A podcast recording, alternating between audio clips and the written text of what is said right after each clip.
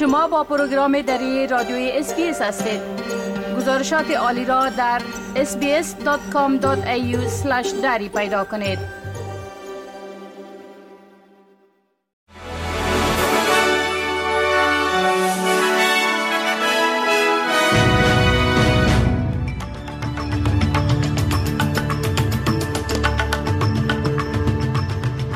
سلام من فضیلت تصمیم هستم و شما را به شنیدن تازه ترین رویدادها از برنامه دری اسپیس دعوت می کنم. مقامات صحی سازمان ملل متحد می گویند کمبود برق و گاز و حملات اسرائیل دومین شفاخانه بزرگ غزه را به طور کامل از کار انداخته است.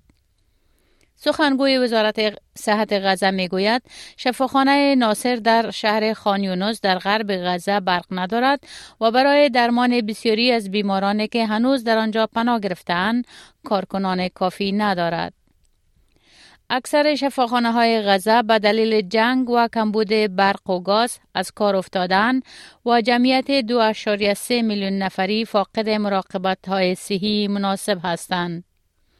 در حالی که مقامات صحی فلسطین می‌گویند از هفته اکتبر تقریبا 29 هزار نفر کشته شدهاند. سازمان صحت جهانی از اسرائیل خواسته است تا با کارکنان خود اجازه دسترسی به شفاخانه ها را بدهد محاصره و حملات نیروهای اسرائیل که با دنبال غیر نظامیان حماس بودند مسئولین صحی را از کمک به بیماران باز داشته است. مریانا سپوریالچ ایگر رئیس کمیته بین المللی صلیب سرخ خواستار احترام به قوانین بین المللی بشر دوستانه شده است. War is not a lawless space. You're not allowed to do everything you want in a war situation. You cannot win a war at all cost at the expense of the civilian population. You cannot dehumanize the other side. در حدود 40 نفر پناهجو که توسط کشتی به استرالیا پناه آوردن روز جمعه 16 فبروری در سواحل استرالیای غربی رسیدند.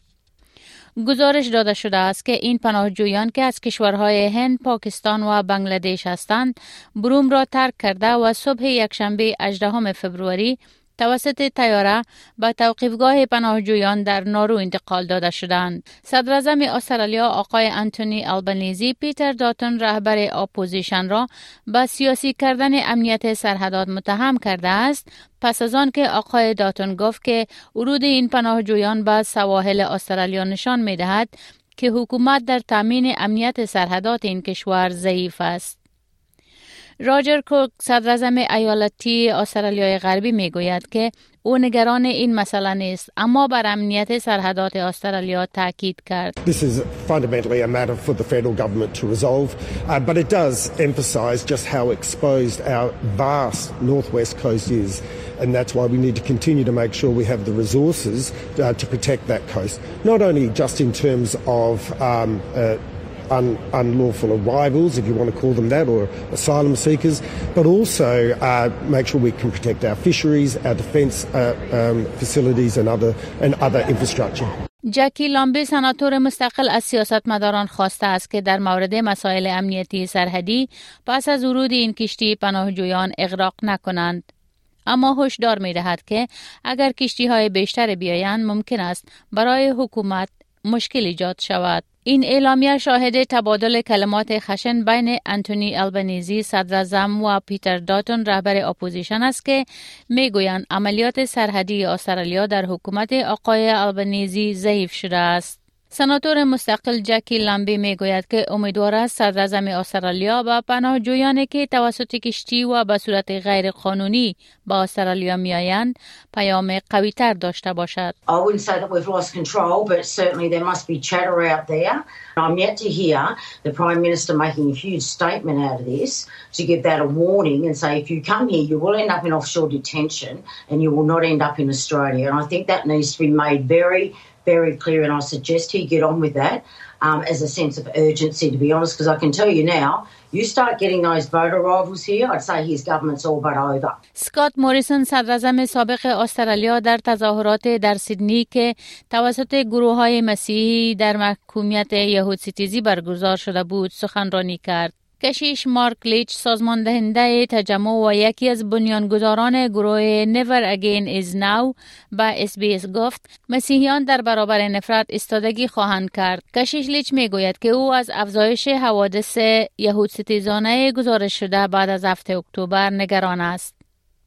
سکات موریسن در مورد روزی که شبه نظامیان حماس به جنوب اسرائیل حمله کردن و حدود 1200 نفر را کشتن و حدود 240 نفر را گروگان گرفتن صحبت کرد. جکی لمبی سناتور مستقل در پارلمان و وارن مندین حامی و مفسر بومیان استرالیا نیز با آقای سکات موریسن پیوستند. انتونی البانیزی صدر اعظم استرالیا می گوید که کارگران و تجار از مرحله سوم کاهش مالیات حکومت بهرهمند خواهند شد. صدر اعظم استرالیا می گوید که مالیات دهندگان در سراسر مناطق منطقه‌ای و روستایی پس از تغییرات حزب کارگر در تادیه مالیات در وضعیت بهتری هستند. این تغییرات که بر اساس آن استرالیایی هایی که درآمد سالانه کمتر از 150 هزار دلار دارند از کاهش مالیات بیشتر مستفید خواهند شد. هفته گذشته پنجشنبه 15 فبروری از طرف مجلس نمایندگان با حمایت ائتلاف تصویب شد و در صورت تایید مجلس سنا از اول جنوری مورد اجرا قرار خواهد گرفت. آقای انتونی البنیزی صدر اعظم استرالیا در جلسه کابینه در پرت گفت تمام 13.6 میلیون مالیات دهندگان استرالیا این کاهش مالیات را دریافت خواهند کرد. For retail workers, so many people who work at Woolworths or Coles or work in the retail industry, uh, they earn $45,000 or less.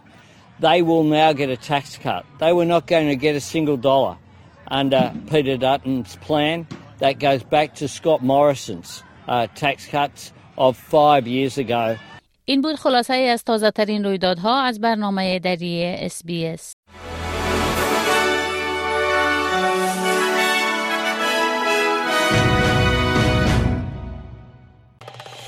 بپسندید، شریک سازید و نظر دهید.